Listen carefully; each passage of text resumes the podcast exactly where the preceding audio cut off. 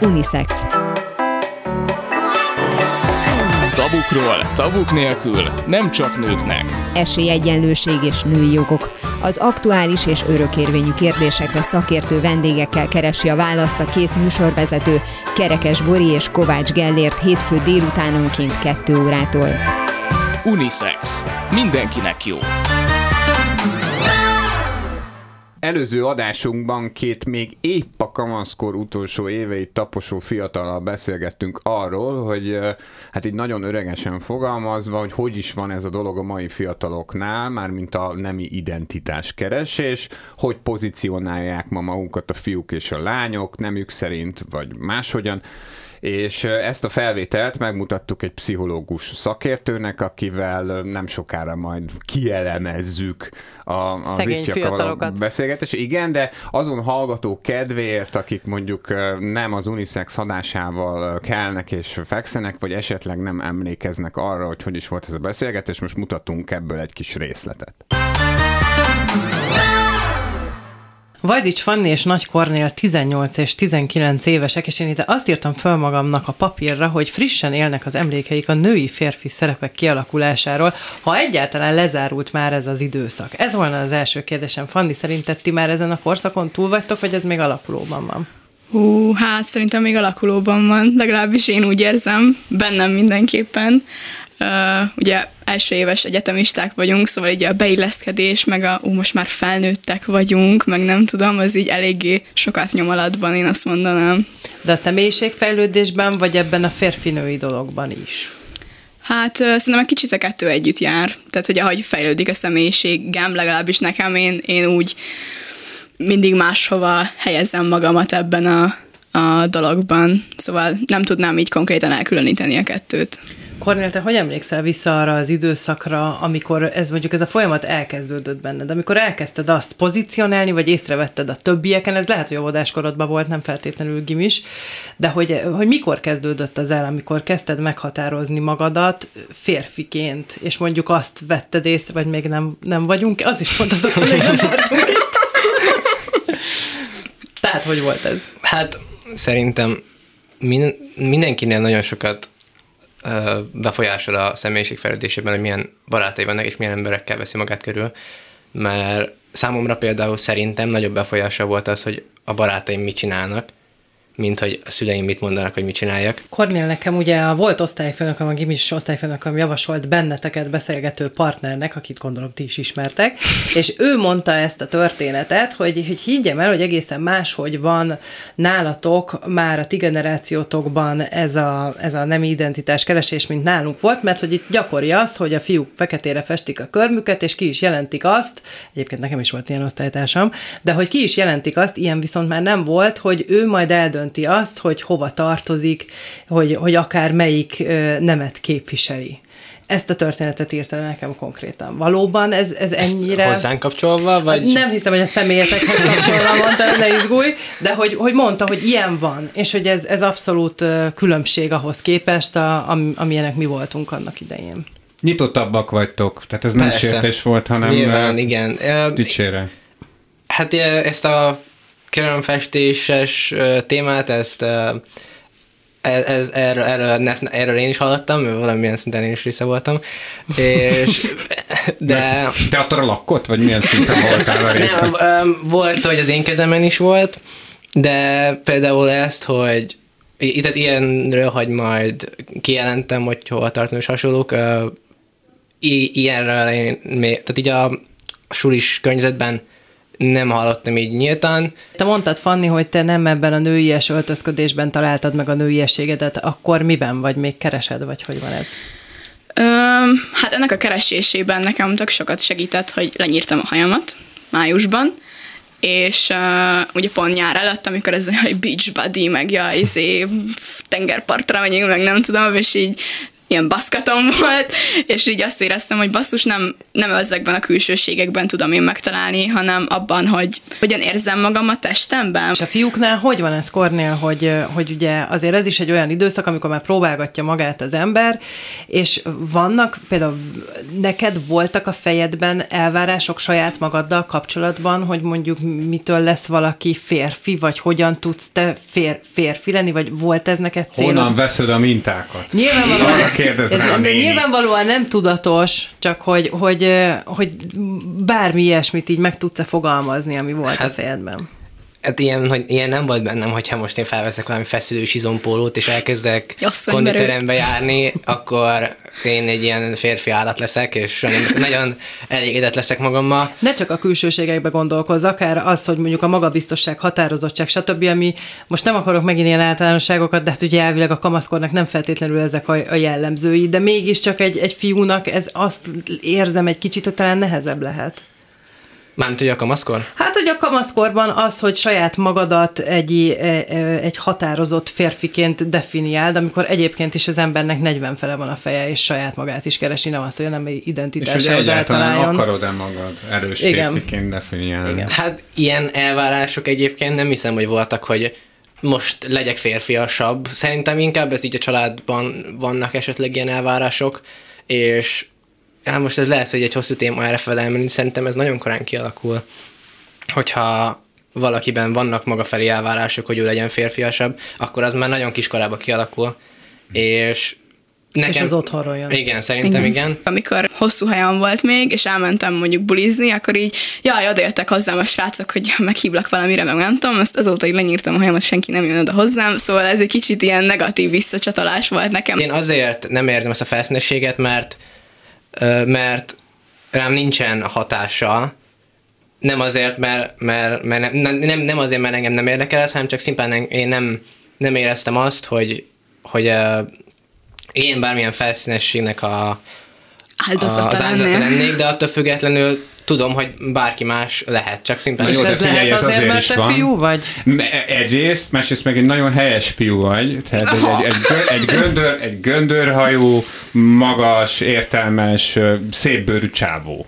Tehát Köszönöm. te, te, te könnyen mondhatod azt, hogy, hogy engem nem érdekelnek a külsőségek, érted? Brad Pittet se érdekli. Na jó, de várjátok meg egy pillanatot, mert közben a Fanni meg egy nagyon szép lány, és mégiscsak ő számol be arról, hogy őt érik ilyen dolgok, és nem a Kornél. Hát mert hogy csinált valami olyat, amit még 2023-ban is uh, förtelmes bűn egy nőtől, és önként de levágatta a nem, haját. nem, én bocsánat, de hogyha már a saját tapasztalataim, és tudom, hogy néni vagyok, mint ahogy ezt az előbb említetted, de hogyha bevon, bevonhatom a saját tapasztalataimat, én szerintem egy nő a külsejével kapcsolatban sokkal több visszajelzést kap. Tehát neked már eleve, te is sokkal jobban ki vagy ennek én szerintem téve, mint egy fiú. Hát eleve ugye Szerintem már a, a kezdeményezés, Szerintem hogy ugye Igen. hozzád mennek oda a fiúk, Kornélnak meg oda kell menni a lányokhoz, Igen, hogyha ez igen, még igen. mindig így van, mert olyan néni vagyok, hogy én más se tudom. Igen. De egyébként te úgy gondolod, hogy neked szükséged van visszajelzésekre, vagy Hát nem mindenkinek szüksége van visszajelzésekre valahol. de Tehát, hogy hogy hát így, idegenektől? Öm, jól esik nyilván, tehát most ezt nem, nem fogom most így ez nem tudom Nekem is. álszentkedni, hogy Igen. jaj nem, de hogy is. Engem az érdekel, hogy miért gondolod azt, hogy több visszajelzésre van szüksége egy nőnek, mint egy férfinak. Hát én most abból következtettem például, amit ti mondtatok, hogy, hogy te nem kaptál meg, tehát hogy ne, neked ez nem fontos. Olyan szinten, mint a Fanni rögtön rávágta, hogy igen, valljuk be, legyünk őszinték, neki ez abszolút fontos. Tehát Hát De mondjuk a külsőddel hogy nem kapcsolatban... fontos, csak nem kaptam. Hát nem kaptál, de ilyen innentől kezdve valószínűleg, mivel a Fanni lány, és kap is rendszeresen visszajelzést a külsejével kapcsolatban, ettől én úgy érzem, hogy fontossá is válik, sokkal inkább, mint mondjuk neked, és valóban a fiúkkal kevés, talán, talán amikor kicsik, akkor, akkor azért akkor egy olyan helyes kis Igen, meg a nagymamáktól. Igen. De szerintem még mindig. A nagyszülőktől azért, azért kapok visszajelzést. Mondják, hogy szép vagy. Igen. De az, osztály, az osztályban nem. Hát inkább nagyszülőktől, meg Nagyszülők. barátnőm nagyszüleitől is szoktam. Oh. Az meg... jó, az olyan, mint a barátnőttől. Igen. Na hát viszonylag nehéz úgy beszélgetni Fandiról és Kornéról, hogy ugye már nincsenek itt, és hogy ne az legyen az érzése az embernek, hogy kibeszéljük Nem őket. beszéljük ki őket. Meg, meg, ha megengedik ezt nekünk, de ö, majd szólok nekik, hogy Jó, ezt, az, ezt az adást is feltétlenül hallgassák meg. Én nekem ez egy nagyon-nagyon jó élmény volt. Egy, valahogy, de egyébként rajtad is azt láttam, hogy így, így elkezdtél úgy kivirulni közben, meg hogy annyira érdekes ez, hogy tényleg nem, ne, egyszerűen nem beszélgetek ennyi idős emberekkel, pedig milyen nagyon-nagyon-nagyon fontos lenne. Igen, egyrészt nagyon fontos lenne, ugyanakkor meg szerintem az a közhely, amit talán nem feltétlenül szoktunk úgy használni, hogy az pozitív legyen, az, az, az valóban igaz, vagy inkább azt mondom, hogy aki ezt mondja, az egy kicsit nem tudom, szánalmasnak tűnik, hogy, hogy ö, amikor fiatalok társaságában vagy, akkor magad is megfiatalodsz, de, de, de valóban ez egy kicsit így van, hogy, és ez nem leereszkedés, hanem ö, én érdekes módon ezt mindig fordítva éreztem, ahogy egyébként az emberek gondolják. Tehát ugye, ö, hogyha egy náladnál ö, több évtizeddel fiatalabb emberrel ö, beszélgetsz, akkor, akkor a, a, azt gondolod, vagy sokan úgy, úgy reagálnak, hogy, hogy megpróbálsz az ő szintjükre lemenni, amikor erről igazából szó Én sincsen. ezzel az annyira nem is éreztem, hogy bármi Sőt, szükség lett pont, volna hogy, erre. Én pont, hogy fordítva érzem Igen. Magam általában ezekben a,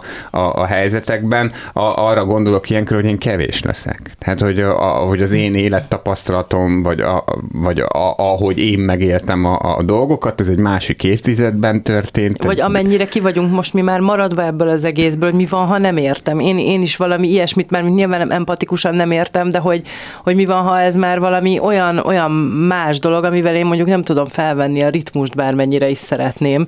Nekem az volt nagyon érdekes ezzel kapcsolatban, amikor meg el is készítettük ugye ezt a beszélgetést, meg beszélgettünk utána ketten, hogy ami nyilvánvalóan nekünk is megvolt a véleményünk annak idején, mondjuk tizenéves koromban, sőt, ez egy olyan időszak, amikor abszolút megvan a véleménye az embernek, és mondja is, de, de hogy nem biztos, hogy én például egy ilyen szituációban, és abszolút pozitívan értem, ennyire mertem volna partner lenni egy nálam 20 évvel, vagy 25 évvel idősebb emberrel szemben, főleg egy ilyen helyzetben, ahol mondjuk egy interjú készül velem, és nekem ez borzasztóan tetszett, hogy például ö, Kornélre emlékszem, hogy ő vissza is kérdezett, amikor mondtam azt, hogy, hogy én úgy érzem abból, ahogy beszélnek, hogy a hogy a Fanninak valahogy fontos, vagy a lányoknak úgy általában fontosabbak a visszajelzések, mint a fiúknak. És így visszakérdezett, hogy te miből gondolod ezt?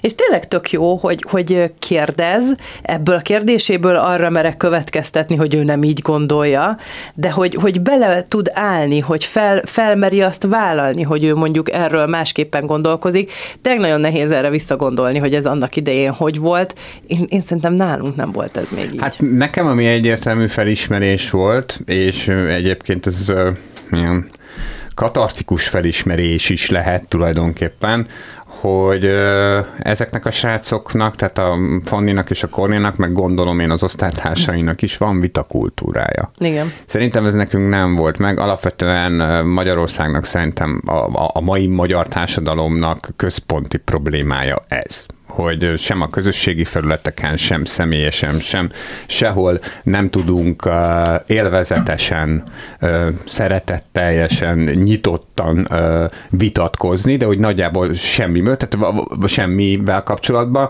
tehát ö, nagyon-nagyon gyorsan átfordul általában a, a, a vita egy ilyen ingerült ö, csatározásba, ö, személyeskedésbe, vagy egy, vagy egy olyan tónusba, amit az egyik személy a beszélgetésben személyeskedésnek érez, amikor maga, maga a vita az igazából nem a vélemények ütköztetéséről szól, a, a, a szónak a harcias értelmében, hanem a találkozásáról, és, a, és az ebből a találkozásból fakadó következtetésekből. És szerintem ez, amit ők nagyon értenek, mi meg megtanultuk remélhetőleg a, az évek során, akár a szakmánkból fakadóan is, de valóban meghökkentő találkozni két olyan fiatallal, akik, akik igen határozottan beszélnek bele a, a, a, a mikrofonba, és közben nem mérlegelnek, hogy a, a válaszuk az nekünk tetszeni fog, vagy, vagy nem, hanem azt feltételezik, hogy mivel mi kérdezzük őket, ezért valóban kíváncsiak vagyunk a,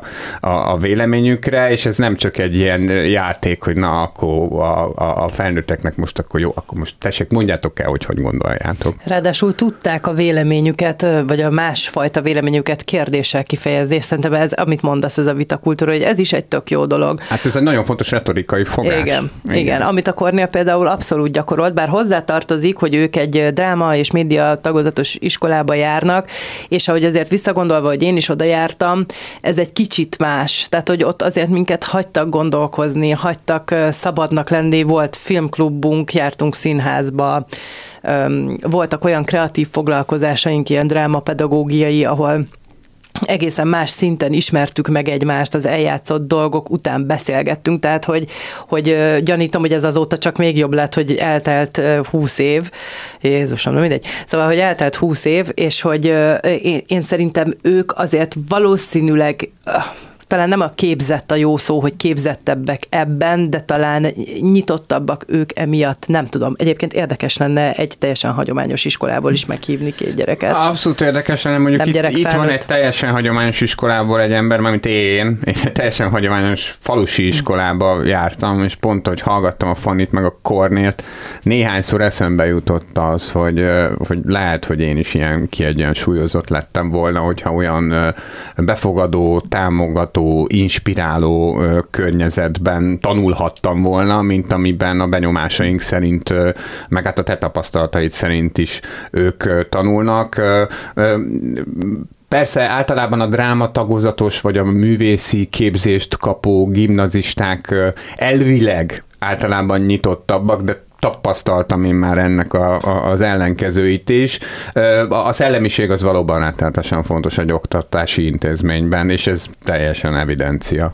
Hát ugye az öltözködés is már többször szóba került ebben az adásban is a Fanni Kornél való beszélgetés közben, meg már én is mondtam többször, hogy én, én hajlamos voltam évekig úgy öltözni, mint a bálba mennék. Amúgy szerintem ez nekem a gimiből van, hogy tök mindegy volt. De tényleg, tehát ott, ott nem, nem szóltak a tanárok, nem, nem szóltak a többiek, ez nem volt szempont, hogy, hogy e, volt olyan időszakom, azt utólag tudom az anyósomtól, akkor még csak, ugye nekem osztálytársam volt a férjem gimnáziumban, akkor még csak barátként mentem hozzájuk bemutatkozni, mint a, a leendő, hát akkor még nem volt ez kérdés, hogy a férjem lesz, tehát egyszerűen csak egy barátként, tollrugók voltak a fejemben, amikre gyöngyöt raktam, ezt a hajam közé valahogy befűztem, azt már nem tudom, hogy hogy szedtem ki onnan.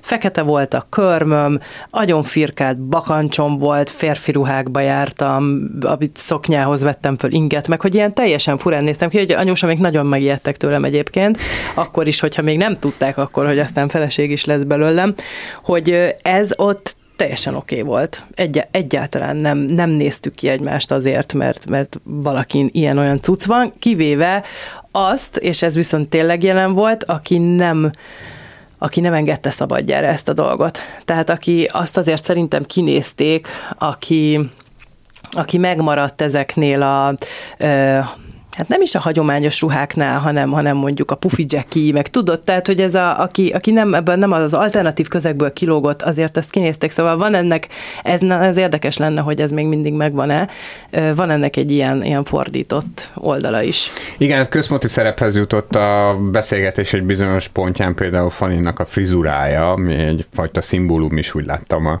a, a, az ő életében, tehát a külsőségek nyilvánvalóan, hogy a felnőttek életét tudja a gimnazis turisták életét is meghatározza, de akkor halljuk a szakértő véleményét a témában, pontosabban annak a szakértőnek a véleményét, aki meghallgatta a múltkori adásban lefolytatott beszélgetésünket. Smolka Orsolya pszichológussal a nemi identitás keresésről fogunk most mentem beszélgetni. Orsi, te is hallottad az előző adást, ha minden igaz, amiben ugye két kisfelnőtt vagy nagy kamasz, hogy kell ezt mondani, volt a vendégünk, egy fiú és egy lány. Egy férfi és egy nő. Egy férfi és egy nő, igen, és, és hát érdekes lenne, és ezt is fogjuk most csinálni, meghallgatni a véleményedet, hogy mit gondoltál arra a beszélgetésről. Nyugodtan egyébként bírálj minket is. Meg, megfelelően viszonyultunk az ifjú generációhoz? Nekem nagyon tetszett a beszélgetés, és nagyon örültem annak, hogy két olyan fiatal szólalt meg, akik nagyon éretten és ilyen széles körülön tudták megfogalmazni a gondolataikat. Én azt éreztem, hogy ők már az útkeresésnek a második felében vannak, és egészen kezd kiforni az a személyiség, ami majd a felnőtt korukban lesz. És nem is nagyon engedtek benneteket szóhoz jutni, tehát hogy azt, azt éreztem, hogy átvették a, a vezető szerepet. Hát ebben lehet, hogy érződik a generációs különbség, hogy most már azért ezek a fiatalok, vagy ők fogják diktálni az ütemet, a trendet. És ez e, Így is kedvedre van való ütem? Mármint, hogy van remény a pszichológus szemmel? Tehát te hogy nézel rá erre a generációra? Hogy ők jobbak lesznek, mint mi? Vagy nekik is ilyen, ilyen műsorokat kell csinálni, hogy földolgozzanak bizonyos problémákat, mert maguk között nem tudják. Én, én nem szeretem összehasonlítani, bár ugye azt mondják, hogy az Y generációsok gondolják magukról azt, hogy ők mindenre képesek, és a legszuperebb generáció. Én is közéjük tartozom, szóval kicsit azért meg tudom erősíteni, de én azt gondolom, hogy más generáció ez, és, és van egy nagyon éles generációváltás, ami miatt tényleg egyre kevésbé értjük a mai fiatalokat. Tehát, hogy mi is megtapasztaltuk felnővis gyerekként, hogy, hogy hát nem ért a nagyszülő, hogy miért úgy csinálom, miért azt veszem föl, miért arra akarok menni, vagy még a szülő sem, de azt gondolom, hogy itt meg aztán pláne. Ugye kérdezgettük őket arról, hogy hogy szerintük mi az ő nem identitás keresésüknek a, a különféle elemei, mik a különféle elemei, és akkor nagyon nehezen jöttünk rá, hogy nyilván ezek nem tudatos dolgok, de hogy ezért Fanni csak megfogalmazott például olyan dolgokat, hogy ugye ő levágatta a haját, és akkor észrevette azt, hogy mondjuk a fiúk nem mennek oda hozzá a buliban, de hogy őt akkor sem érdekli ez, és még mindig rövid a haja, pedig ugye ezt az érettségi után vágatta le, ami tavasszal volt,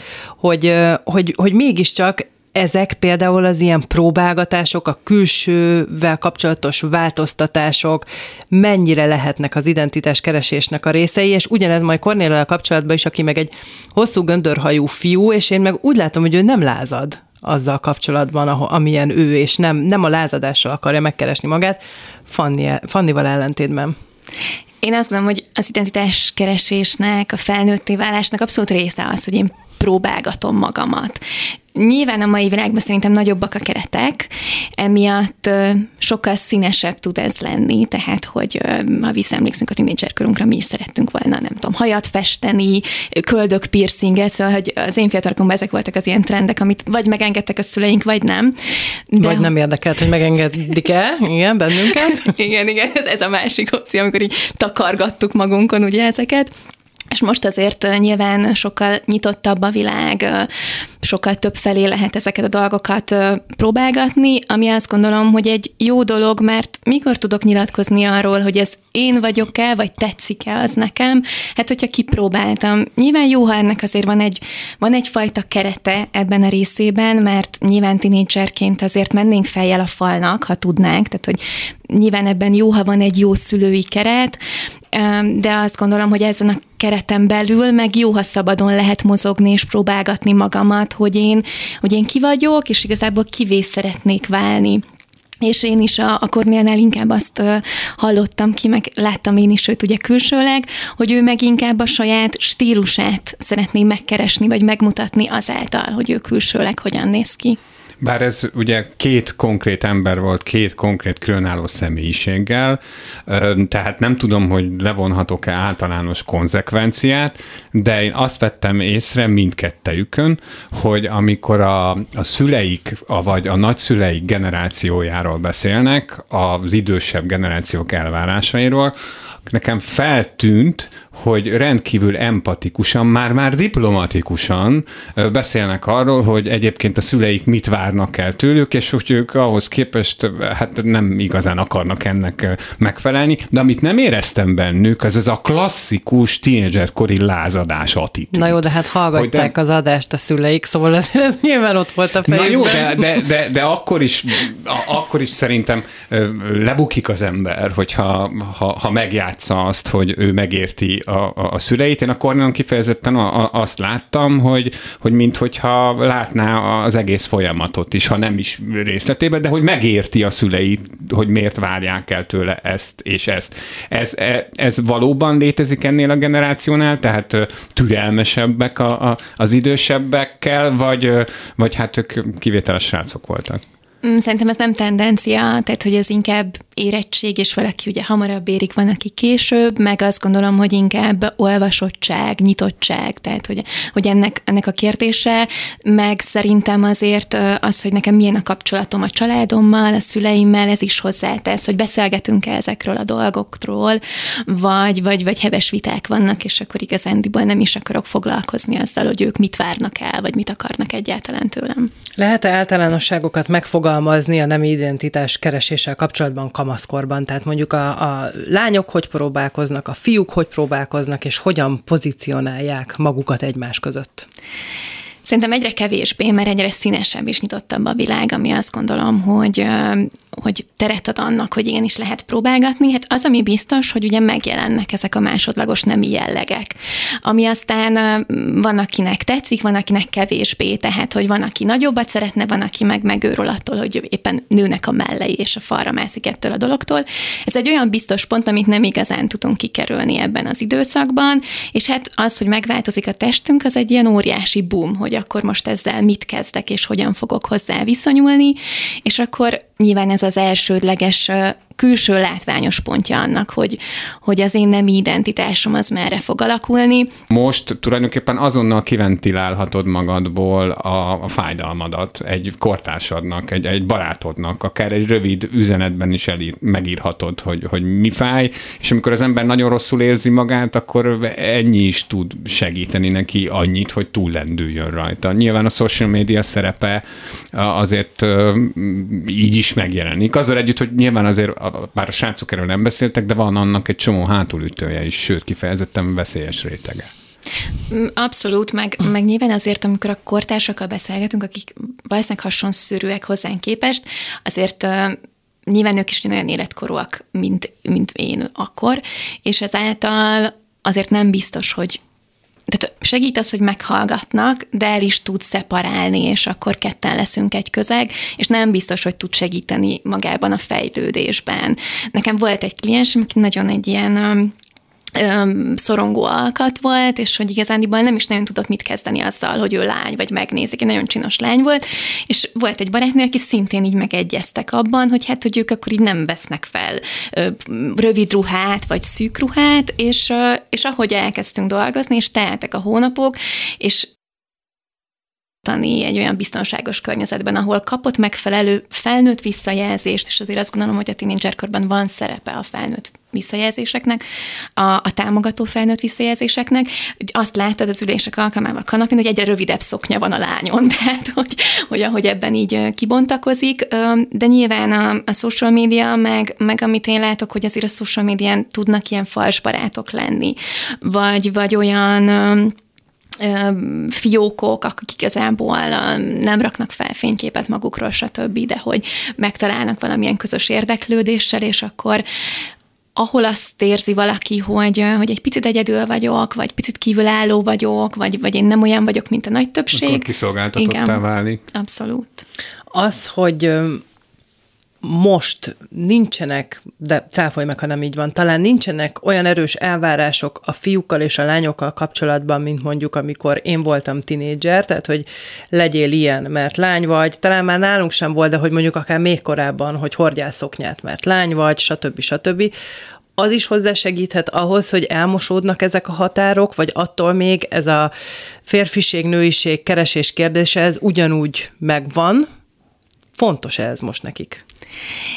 Én azt látom, hogy azért ez, ez még a szülőkben megvan, tehát hogy, hogy azért még óvodában, általános iskolában abszolút nagyon szeretnénk, hogyha a lányunk habos-babos ruhákba járhatna, és ott van a fejünkben ez az álomkép, hogy hercegnő, a, a fiúknál, meg, a, meg az apukák részéről, hogy fú, hát focista lesz, kemény lesz, azt a minden itt fiam van, és Viszont azt, azt viszont látom, hogy, hogy a tinédzserek viszont keményebben beleállnak abba, hogy, hogy amikor ezt már így nem szeretnék, tehát hogy kevésbé van az, hogy csak azért, hogy megfeleljek, ami el is hangzott a fiataloknál, mert nem megyek bele ebbe, tehát kevésbé van, azt nem így azt mondom, azt mondom, hogy nem, és, és a szülők meg ebben elfogadóak, tehát, hogy a gyermek születésétől egy bizonyos pontig azért megvan az, hogy, hogy klasszikus nemi szerepek, de aztán elkezdenek egyre nyitottabbak lenni, vagy elfogadóabbak. De ezt talán. látod, hogy a magyar szülők egyre elfogadóbbak? Nem Ezért az... ez egy jó kijelentés, hogyha ezt ki, Nem mindenben, tehát hogy, hogy az, azt gondolom, hogy elfogadóbbak, tehát ez egy folyamat, hogy egyre elfogadóbbak, de azért még mindig megvan az a cicegés, hogy jó, eddig a pontig igen, de azért ne tovább, jó? Tehát, hogy, hogy, hogy maradjunk, mert ennyit engedek. Ennyire nyissunk ki. Beszélgettünk a, a nemi identitás keresésről. Van neke olyan konkrét dolgok, amiben ez a fiataloknál megjelenik? Akkor mondjuk beszéltünk az öltözködésről. Mi még? Um, a szexuális vágyak szerintem az, az abszolút, tehát hogy kiről fantáziálok éppen, legyen az fiú, lány, vagy, vagy éppenséggel valamilyen sztár, celeb, akit éppen teljesen elérhetetlennek gondolok.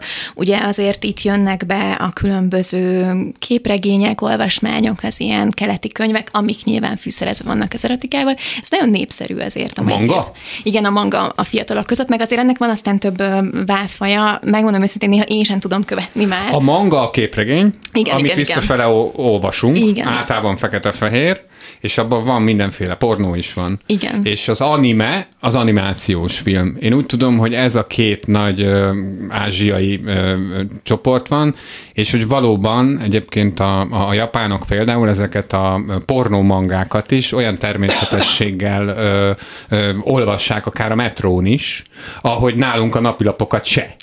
É, valószínűleg, tehát ez lehet vonzó a gyerekeknek, nem? Abszolút. Eleve szerintem van egy trend most a, a keleti világ felé a fiataloknál, legyen ez koreai, japán, kínai, tehát bármi. Van egy ilyen irányultság mind zenében, mind filmekben, mind sorozatokban, és mindezeknél a képregényeknél. Arra gondoltam még, hogy, hogy itt a mangám belül, és azt remélem a fiatalok nem fognak megkövezni, hogy rosszul mondom, de hogy ezen belül ugye vannak azok a válfajak, hogy ez férfi-férfi szerelem, uh-huh. vagy, vagy nő-nő szerelem, és akkor ezek ezeknek is van külön nevük és aspektusok, és itt is Ezek lehet válogatni. igazából. Kicsit igen, igen, abszolút. És, és nyilván ezeknek az olvasása felkelti a kíváncsiságot. Valahol irányítja is a fantáziát, valahol a fantáziámnak megfelelően választok, valahol csak a kíváncsiság vezet, de hogy nyilván az, az hogy engem mi mozgat meg, az egy nagy része ennek az identitáskeresésnek, vagy az én vágyaimnak. Na és akkor most közben az öltözködéssel kapcsolatban is eszembe jutott, hogy, hogy azért szokták mindig azt mondani az idősebb generációk a, a fiatalokra, és ezt én mostanában is szoktam hallani, hogy, hogy mennyire lányosodnak a fiúk. Hogy valóban van egy ilyen próbálgatás része ennek a, a kamaszkornak, vagy ez abszolút személyiségfüggő, vagy attól függ, hogy ki mit hozott otthonról, vagy most már bátrabbak ezzel kapcsolatban a fiúk. Szerintem a divat is bátrabb. Szóval azért nem lehet eltekinteni a trendekről. Tehát, hogyha megnézzük azt, hogy a mi korunkban mik voltak azok az ideálok, legyen azok a zenekarok, vagy, vagy színészek, és ahogy ők öltözködtek, hát mi is arra akartunk hasonlítani. Tehát, hogy mindenki aviátor napszemüvegbe mászkált, mert az volt a, a menő és a trendi, vagy, vagy nem tudom, én Spice Girls-nek öltöztem mindig, és haspólóba jártam.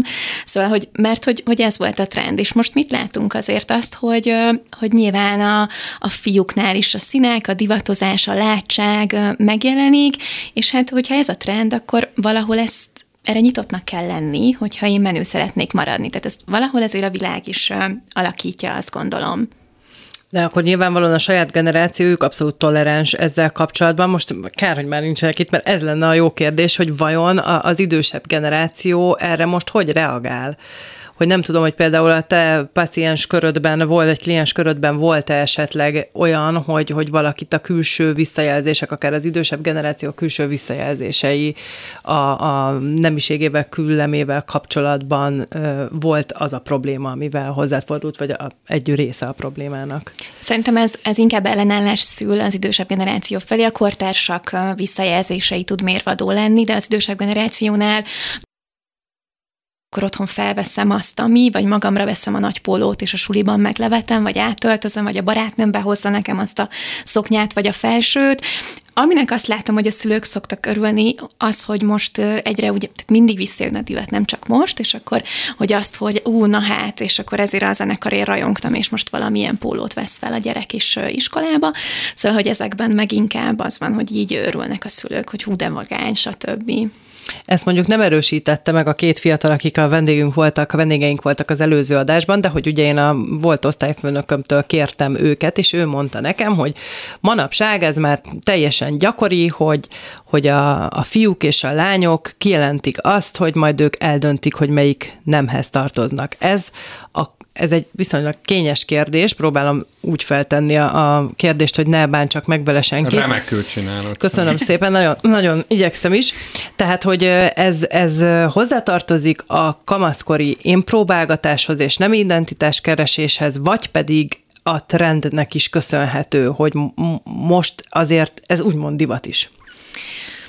Én azért ezt nem, nem gondolnám, hogy divat, mert uh, sőt nem is nagyon szeretem, amikor azt mondják, hogy ez csak egy ilyen divathóbort majd kinövi a gyerek, mert hogy ez egy, ez egy komoly dolog, és azt gondolom, hogy komolyan kell venni, hogyha ő próbálgatja a szárnyait bármilyen területen.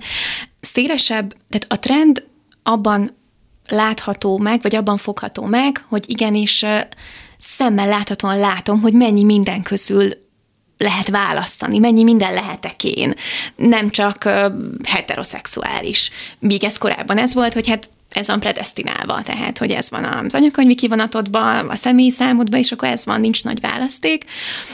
Bár tudjuk, hogy ez régebben is megvolt, csak mondjuk később volt ez a coming out.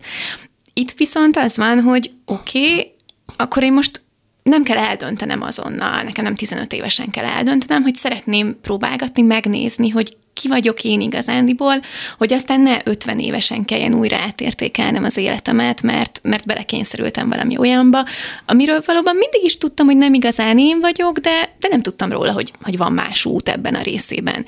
Szóval én, én mindig azt mondom, hogy nem szabad ettől megijedni, mert az a jó, ha egy gyerek kíváncsi, az a jó, ha egy gyerek nyitott a világra, és úgy dönti el aztán azt, hogy ő milyen irányba keresi önmagát, és választja ki az identitását, hogyha felmérte a terepet, és, és tudott úgy dönteni, hogy oké, én ebben érzem leginkább jól magamat és komfortosan, mert ekkor lesznek a boldog gyerekeinkből boldog felnőttek. Na és ezt a szülők hogy kezelik, vagy te ezzel kapcsolatban hallasz-e visszajelzést? Megijednek ettől? Abszolút megijednek. Nagyon ijesztő számukra. Mm, szerintem egyrészt azért is, mert hogy nyilván ennek azért, hát ma Magyarországon főképp, de azért nyilván a világban is egyes részeken még nincs akkor elfogadottsága, és féltik a gyermekeiket, féltik attól, hogy mi vár rájuk.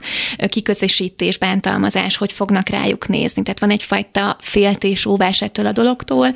Van egy olyan része, hogy ők se nagyon tájékozottak ebben a témában. Nem is nagyon tudják, hogy akkor ez most mit jelent pontosan, annyi új szó van már, és akkor nem tudom, betűk egymás után, melyik mit jelent, most, most hogyan is van ez.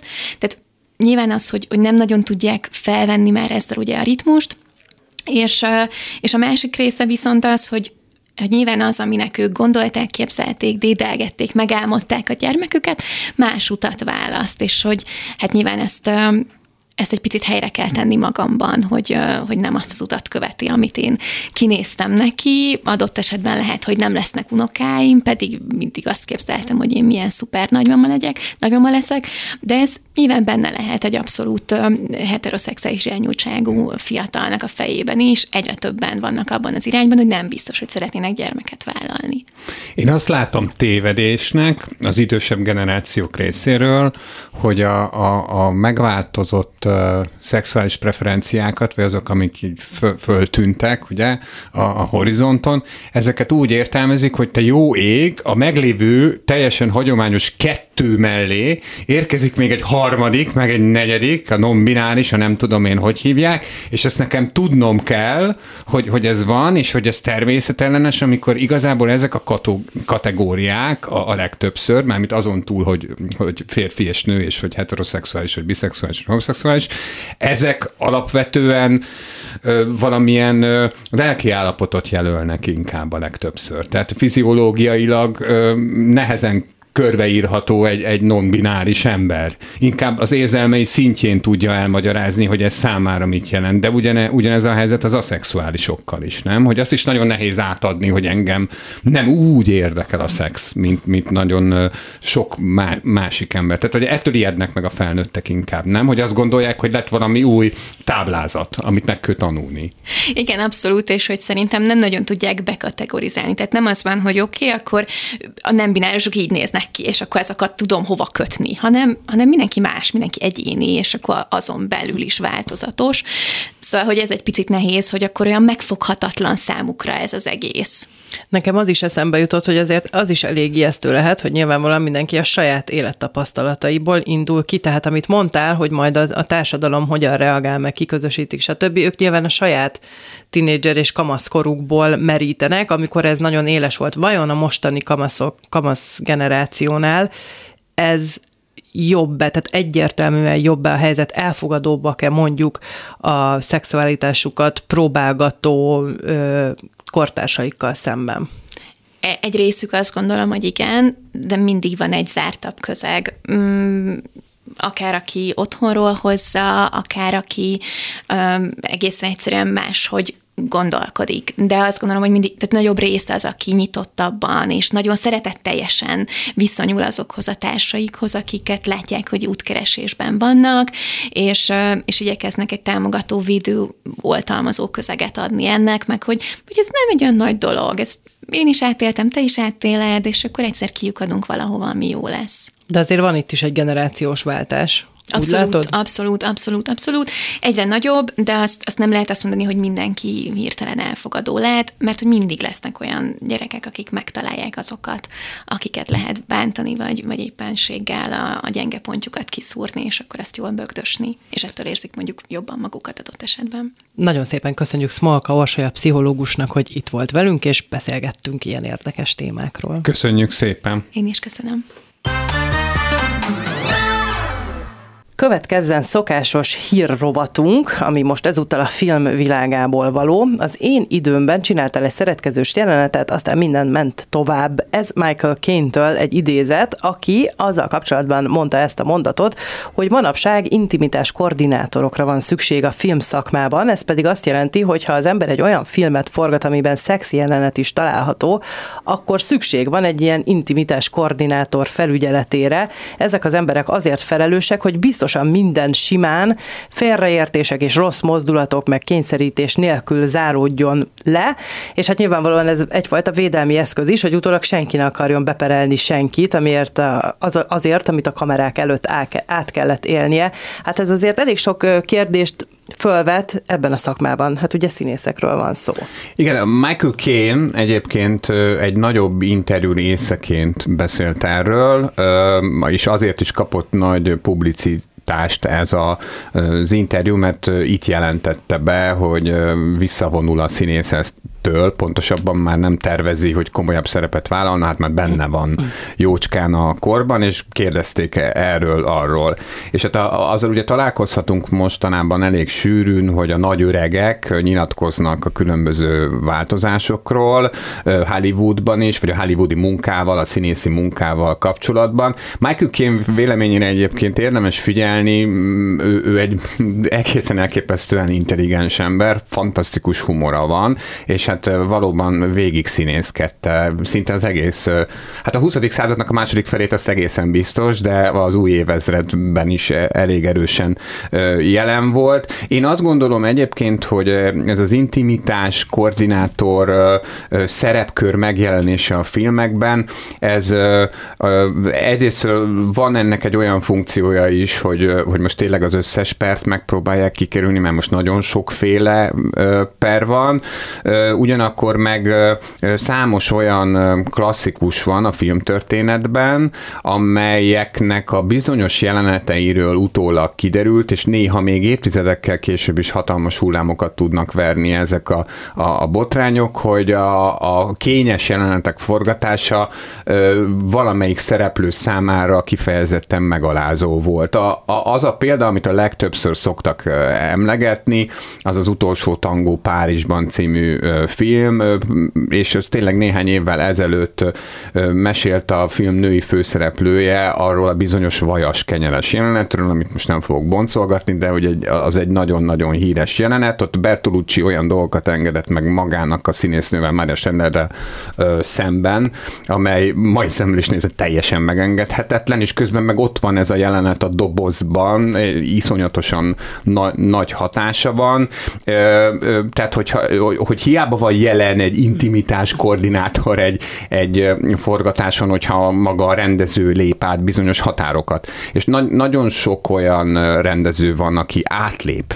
Na de mi a, mi a határokat. hatásköre ennek az intimitás koordinátornak? Tehát ő nem szólhat a rendezőnek, hogy ez nem úgy van. Mondjuk nyilvánvalóan a gyakorlatban azért ezt a helyzetet nehéz az alá fölé rendeltségi viszonyokból kifolyólag is nézni, meg a művészeti érték, meg stb. De hogy elvileg ugye ez, ez egy olyan ember, aki, aki azért van ott, hogy külső szemlélőként nézze a dolgokat. Tehát ő most szólhat a rendezőnek, hogy ez így nem oké? Okay? Megpróbáltam utána nézni ennek a munkakörnek. Munkaköri leírást nem igazán találtam, tehát arra vonatkozóan, hogy ez pontosan mit jelent. Én úgy tudom egyébként elképzelni, hogy ha van egy tapasztalatlan színész, vagy egy olyan színész, aki nem feltétlenül szerette volna elvállalni azt a mesztelenkedős jelenetet.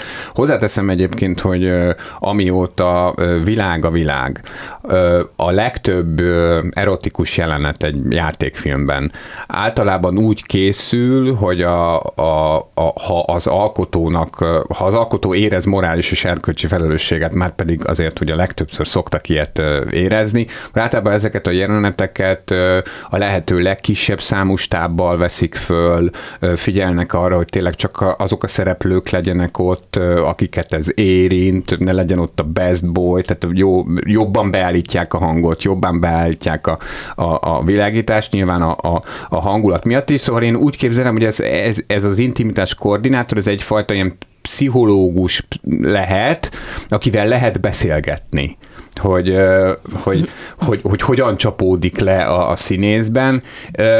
Az meg már csak az én privát megérzésem, hogy egy igazi profi nagy színésznek erre nincsen szüksége. Tehát egy, Michael Caine sem ért, és azért nem érti szerintem ezt. Egyébként hogy... ezeket a dolgokat, hogy mondjuk egy ilyen jelenetnek a felvételét nem szokás rögzíteni, hogyha mondjuk adott esetben a, a felek kérik írásban, amit pont mondtál, hogy hányan vesznek részt, kik lesznek ott, mi a megengedhető. Tehát, hogy nem lehet ezt ezzel kikerülni, hogy mondjuk felajánlani a, annak, akit ez zavar, mondjuk egy olyan színésznek, hogy akkor ez ezt egy ilyen megközelítésből. Szerintem ez me- megöli a kreatív munkát. Hát valószínűleg, de az intimitás koordinátor is úgy hangzik, mint aki Abszolút. megöli. Abszolút. Szerintem egyébként ez csak egy ilyen hóbort tehát e, ez el fog múlni. Nyilvánvalóan egyébként, hogy színész megengedhetetlenül viselkedik, tehát hallani olyan sztárokról, akik szeretik az ilyen jeleneteknél lenyomni a nyelvüket a partnerüknek a, a, a torkán,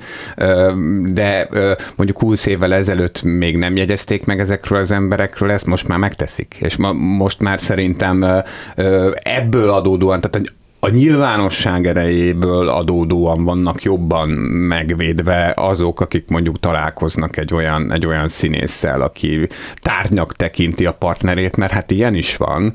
A, a, abszolút ilyen is van. Nem, nem, nem hiszem, nem hiszem, hogy ez igazán gyökeret tud verni, mert mint az intimitás koordinátor jelenléte a, a, a filmművészetben, mert tehát nagyon fontos, hogy a, a csoda megszületéséhez azért, azért tényleg szükségeltetik az, hogy, hogy hagyjuk egy kicsit megtörténni a, a dolgokat, és azt is mondjuk ki, mert ezt nem szoktuk szerintem most nem kimondani, viszont ha megkérdezünk egy színész, szerintem 9-ből vagy 10-ből 9 Ferenc színész biztosan azt mondja, hogy a mesztelenkedés, hogyha indokolt, vagy a, a színésszel való imitált szexuális aktus, hogyha indokolt, az, az ugyanúgy a színészi munkája, mint meginni egy pohár vizet, vagy, vagy kezedbe venni a kellékfegyvert, és, és, és azt használni. Neki ezt kell eljátszani. Abban a pillanatban azt kell eljátszani, neki ez a dolga. Nyilván vannak olyan színészek, akik nem vállalnak ilyen jelenteket, vagy csak testdublőr, ö, vállalják, de ők szerintem ezt alapvetően azért megoldják.